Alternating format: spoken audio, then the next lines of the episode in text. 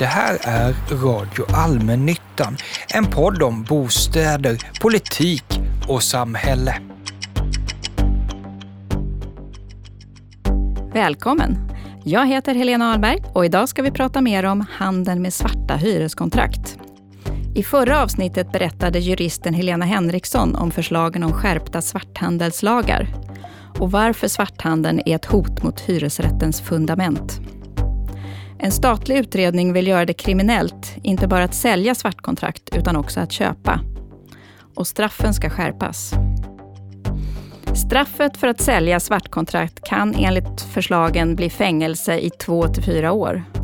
Och även den som köper ett svart lägenhetskontrakt kan få fängelse. Nu har den organiserade brottsligheten hittat till svarthyresmarknaden, säger polisen. Men hur vet man det? Har svarta kontrakt blivit en kassako för brottssyndikaten? En marknad där man helt riskfritt snabbt kan tjäna stora pengar? Det ska vi nu fråga Christian Hallin.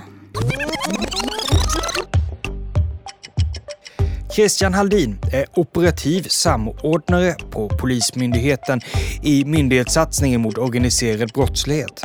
Ett regeringsuppdrag som 13 myndigheter samarbetar i, förutom polisen, till exempel Säpo, tullen, Försäkringskassan och Kronofogden.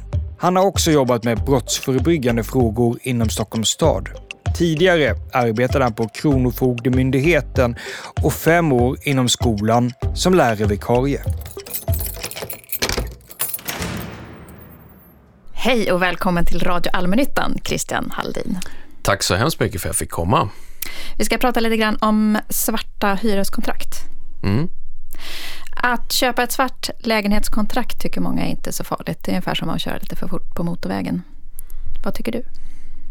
Ja, eh, det är väl lite beroende på vilka aspekter man lägger på problemet. Eh, om man ser det som ett eh, samhällskontrakt med välfärden och så, så kommer ju konsekvenserna av att köpa lägenhetskontrakt, om man pratar hyresrätter då, upplösa hyresrättens funktion till slut och det skulle ju vara tråkigt. På vilket sätt skulle du upplösa hyresrättens funktion? Ja, därför att eh, det blir olika spelregler och då är det svårt att kanske veta vems regler är det egentligen som gäller. Det som lagen ställer upp eller det som branschen, marknaden kan acceptera.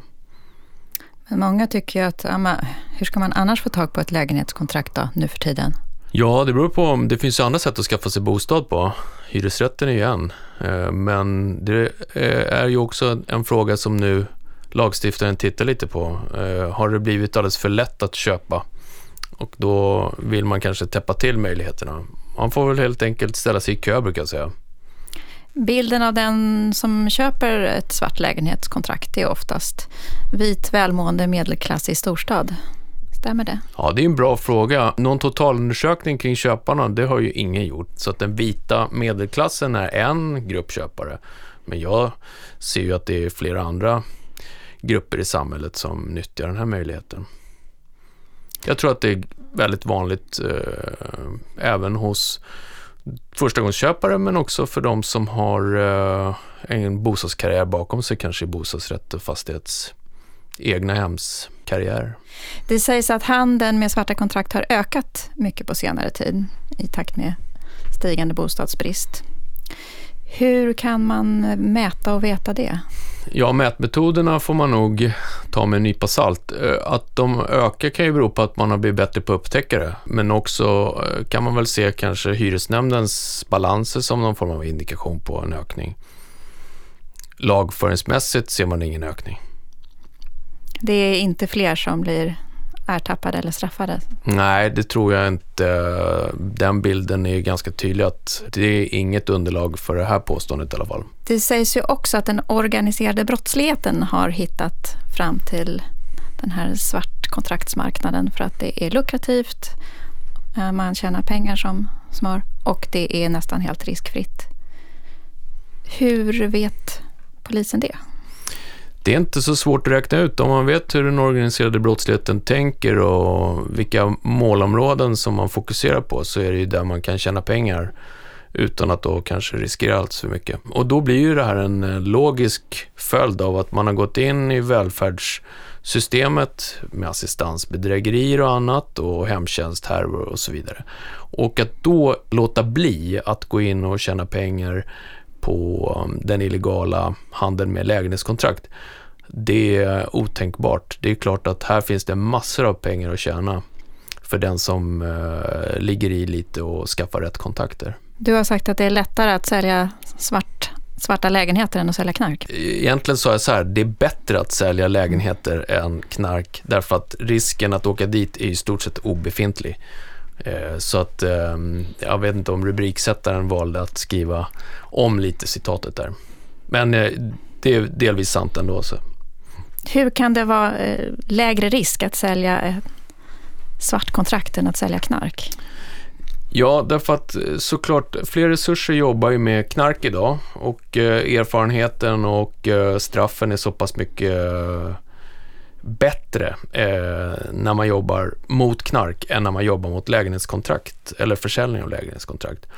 Och kunskapsnivån är generellt sett låg inom eh, rättsväsendet kring det här och intresset också. Så att eh, risken att bli ertappad när du säljer knark är ju mycket större än när du håller på med lägenheter. Det följer ju av mängden medarbetare som riktar in sig på knark snarare än hur många det är som jobbar med lägenhetskontrakt. Men vet man att den organiserade brottsligheten är här? Eller är det någon, eller där så att säga i kontrakten? Eller är det så att det är en, logisk konsekvens av att de borde vara där för att det finns pengar att tjäna? Jag kan säga att det är bekräftat. På olika sätt eh, har vi fått det bekräftat att man som organiserad brottsligheten ser ut idag, de personer som tillhör det, ägnar sig åt det här. Så att, eh, vi har ju inte fått några domar på det, så det går inte att hänvisa till att just den här domen skulle då vara eh, den organiserade brottslighetens upplägg. Men vi har ju andra sätt att eh, fånga upp signaler som får oss att kunna säga så här, det här stämmer.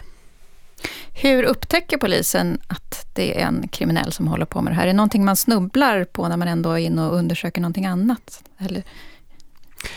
Kartläggning. Eh, det står ju ganska fritt att fråga folkbokföringen hur det ser ut och man kan kika på hur fastigheten, vilken form, är det hyresfastighet eller bostadsrättsförening?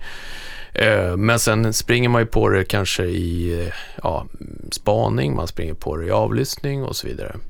Men att sen ta det vidare till åtal, det betyder ju inte att bara för att du upptäcker det så behöver det inte innebära att du kommer åtalas för det.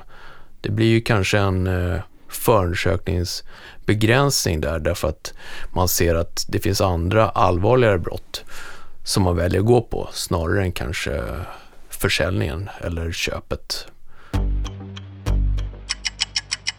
Det var något mordfall 2014 med fyra mord som på något sätt kopplades till handeln med svarta kontrakt. Hur såg den kopplingen ut? Ja, det är ju öppna förundersökningar så några kommentarer kring dem går inte att lämna annat än att den person som mördades 2014 eh, i mars där var ju en fastighetsägare som eh, det fanns uppgifter kring att han skulle ägna sig åt det här. Men mördades han just för att han höll på med svarta kontrakt, tror man? Eller råkade han mördas, eller mördades han men råkade hålla på med svarta kontrakt? Ja, äpplet, hönan eller ägget. Jag har faktiskt ingen insyn i utredningen så att jag väljer att inte kommentera eh, F-ut, alltså förundersökningen. Det är fortfarande förundersökningsskedet så att säga? Här, eller? Mm. Ja, precis. Vad är en organiserad brottslighet? Ja, det är ju någonting som man slänger sig med lite kanske slarvigt idag, tycker jag. Det finns en definition, EU har faktiskt genom Europol skrivit en definition som eh, går att googla fram.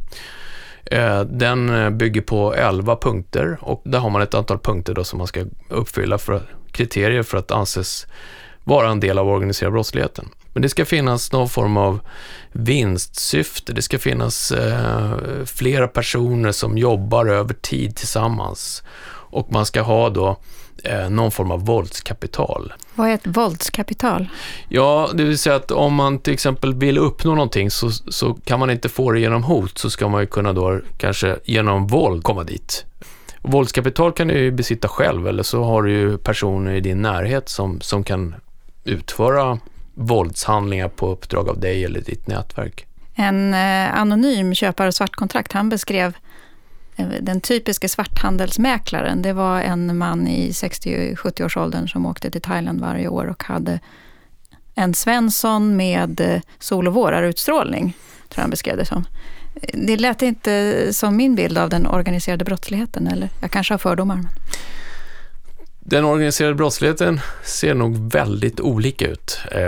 Man är ju en del av den, så man utgör inte hela alltså, nätverket. Men det är klart att i de här fallen så är man kanske specialisten.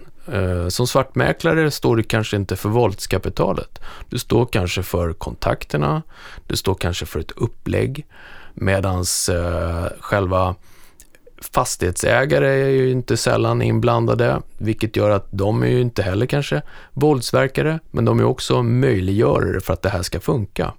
Så att man behöver ju olika delar för att helheten ska bli liksom hel. Och då är ju svartmäklaren då, ja, kan ju vara en man i 60-årsåldern, även om han kanske till sitt yttre inte verkar tillhöra den organiserade brottsligheten. Men idag är ju många välpolerade, uh, unga män, kanske till och med uh, välutbildade med universitetsexamen som uh, ingår i den organiserade brottsligheten. Det är sällan man ser att de har väst eller har rakade skallar med tatueringar. Så där. Det är ju kanske en gammal bild från 90-talet och kvällstidningar. Hur länge har den organiserade brottsligheten varit inne då på svartkontraktsmarknaden skulle du gissa?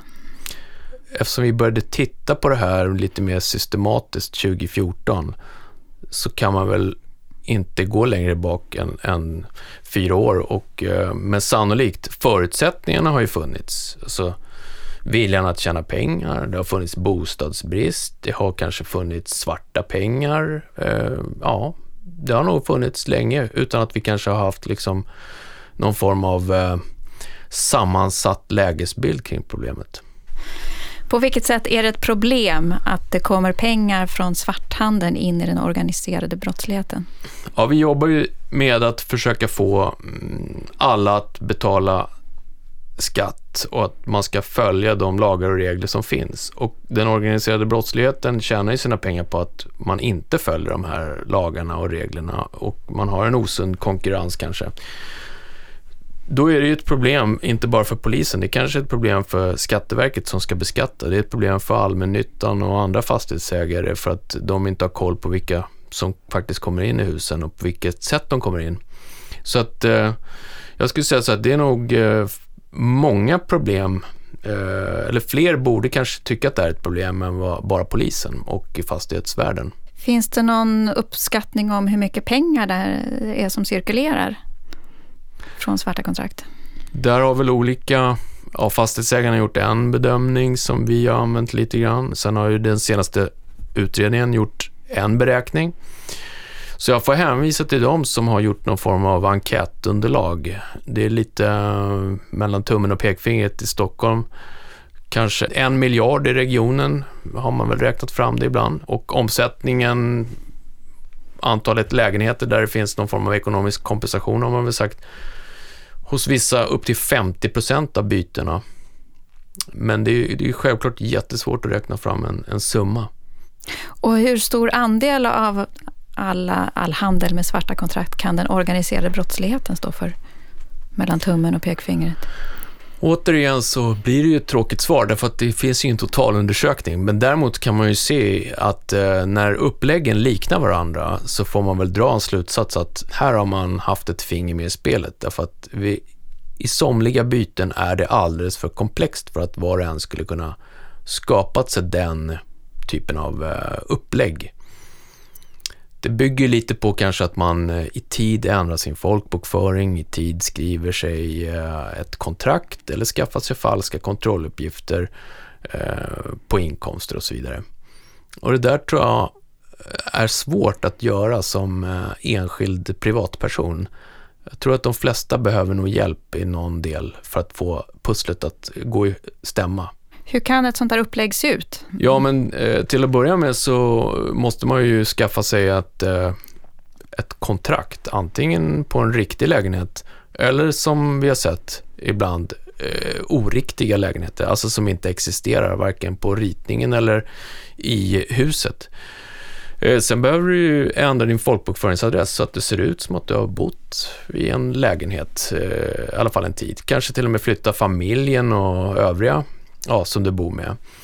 Eh, har du ingen inkomst så måste du kanske skaffa dig någon form av underlag på att du har en, en inkomst eftersom det finns krav på det ibland. Och sen behöver du ju då hitta någon att byta med och kanske överföra pengar då genom ja, banköverföring eller kontant. Det där är lite olika. Jag tycker inte vi ska gå in på hur man ska gå tillväga här riktigt, men det är klart det är intressant att veta för att man ska kunna upptäcka det också. Vem tjänar mest på uppläggen? Är det fastighetsägaren som får en slant emellan? Är det en mäklare?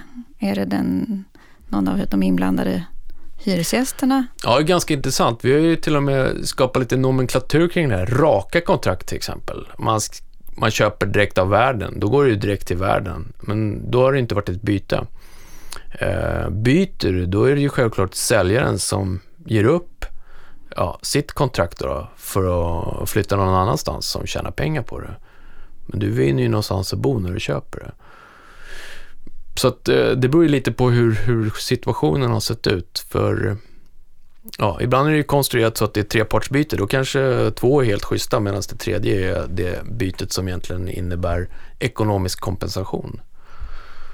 Men det är så att det är framförallt i, i samband med lägenhetsbyten som det går att Eh, få till sådana här svarta kontrakt. Det... Ja, men då ska man komma ihåg så här, organiserad brottslighet älskar struktur och förutsägbarhet. Därför att det bygger inte på samhällsomstörtande verksamhet, för det tjänar man inte på. Att hålla sig till regler och eh, intyg och, och register, det är ju så det går igenom granskningen. Och ett byte blir ju så himla enkelt att maskera i någon form för att man handlägger ju väldigt många byten. Och det är klart att man inte har tid och resurser att gå igenom varenda uppgift och vända och vrida på det. Så att ligger man nära det här flödet så är chansen större att ditt upplägg accepteras och bytet blir liksom genomfört än om du skulle till exempel gå upp och försöka hota det till eller eh, på annat sätt skaffa ett kontrakt. Och det är så i alla sammanhang. Organiserad brottslighet, eh, de, de följer lagar och regler, men med kanske oriktiga underlag eller falska uppgifter som man använder sig av. Och det bygger då också på att det sker en massa byten hela tiden? Så att... Ja, för den stora mängden man hanterar är ju byten, så det är ju mycket bättre att lägga sig i, i den stora flodfåran än, än att försöka komma åt lägenheter genom små rännilar som man kanske eh, lättare då skulle upptäcka felaktigheter i. Nu har det ju då lagts ett utredningsförslag som du hänvisade till som skulle kriminalisera både köp och säljdelen av svarthandeln. Är det ett bra förslag? Ja, tycker jag. Det går ju då ut på att man kan riskera fängelse, både om man köper och säljer. Upp till två år om det är vanligt och upp till fyra år då om det anses lite grövre. Med mer pengar om jag förstår och mer organiserat. Är det en lagom straffskala? Ja, man får ju uppfatta att lagstiftaren eller i alla fall de inblandade experterna tycker att det är allvarligt och då har vi ändå ganska tunga experter med i den här utredningen. Det är ju nästan så att man eh, vill applådera tycker jag i alla fall. Men på vilket sätt skulle det göra det lättare för polisen med det här nya förslaget? Ja, preskriptionstiden förlängs ju, så att även om man har en tvist som kan pågå hur länge som helst i hyresnämnden civilrättsligt så kan det ju vara preskriberat om man försöker eh, utreda brottet. Eh, och sen är det ju anhållningsgrund och det är grund för hemliga tvångsmedel på ett annat sätt om det finns eh, fyra år i straffskalan. Då. Så att förutsättningarna ser bra ut. Sen är det väl enkelt att lagstifta. Det är en annan sak att ha resurser för att utreda brotten. Men det är i alla fall en större, eller en bättre förutsättning att utreda brotten. Men om man då kriminaliserar både köp och sälj, finns det då inte en risk att den svarta handeln blir ännu svartare och mörkare och kryper ner i underjorden och man inte hittar dem alls? Är det inte så att eh, i en utredning så ska man titta på konsekvenser för förslag, eh, hur de kanske kommer Eh, ta sig uttryck i ny kriminalitet eller annat sätt. Så, där. så att, eh, ja, det kanske blir att man eh, hittar nya sätt att bo på. Men eh, det är svårt att säga så här var det tar vägen. Eh, jag tror att alltså det preventiva syftet med att lagstifta även för köpare kommer att ha effekt. Eh, då menar jag att eh, för 30-40 år sedan så rökte man i, i bilen och satt utan bilbälte och man agade sina barn, kanske inte alla. Men idag, sen man lagstiftat om bilbälte och, och barnaga, så är det för de allra flesta helt otänkbart att eh, köra bil utan bälte och vi slår inte våra barn. Och det handlar ju om att ändra uppfattningen kring eh, att köpa och sälja lägenheter inte är okej. Okay. Det ska bli skämmigt att köpa ett svart kontrakt? Ja, eller skämmigt. Jag tänker att det... Eh, idag kanske man koketterar ibland med att man har köpt ett svart kontrakt och, och i framtiden så eh, ska det väl kännas nästan som att moraliskt förkastlig handling som ger en eh, möjlighet att tänka efter innan. Tror du att de här förslagen kommer att bli verklighet så småningom? Om du tittar i din lilla CR-kula. Det tror jag eftersom man har de flesta instanser som kanske skulle vara tunga i remissyttrandet har deltagit i utredningen. Vad skulle konsekvensen bli om ingen av förslagen genomförs, om det fortsätter likadant som idag? Ja, då kan vi lägga resurser på annat. Men eh, samtidigt så blir det ju meningslöst kanske i långa loppet att stå i kö och vänta på en bostad. Eh, då är det väl lika bra att eh, hitta ett sätt att kanske eh, förändra hyresrätten eller eh, ha någon form av hyrköp eller något så här. Jag vet faktiskt inte. Jag ser inga alternativ om man säger. Tror du att det går att minska pengaflödet från svarta kontrakt in till den organiserade brottsligheten? Ja.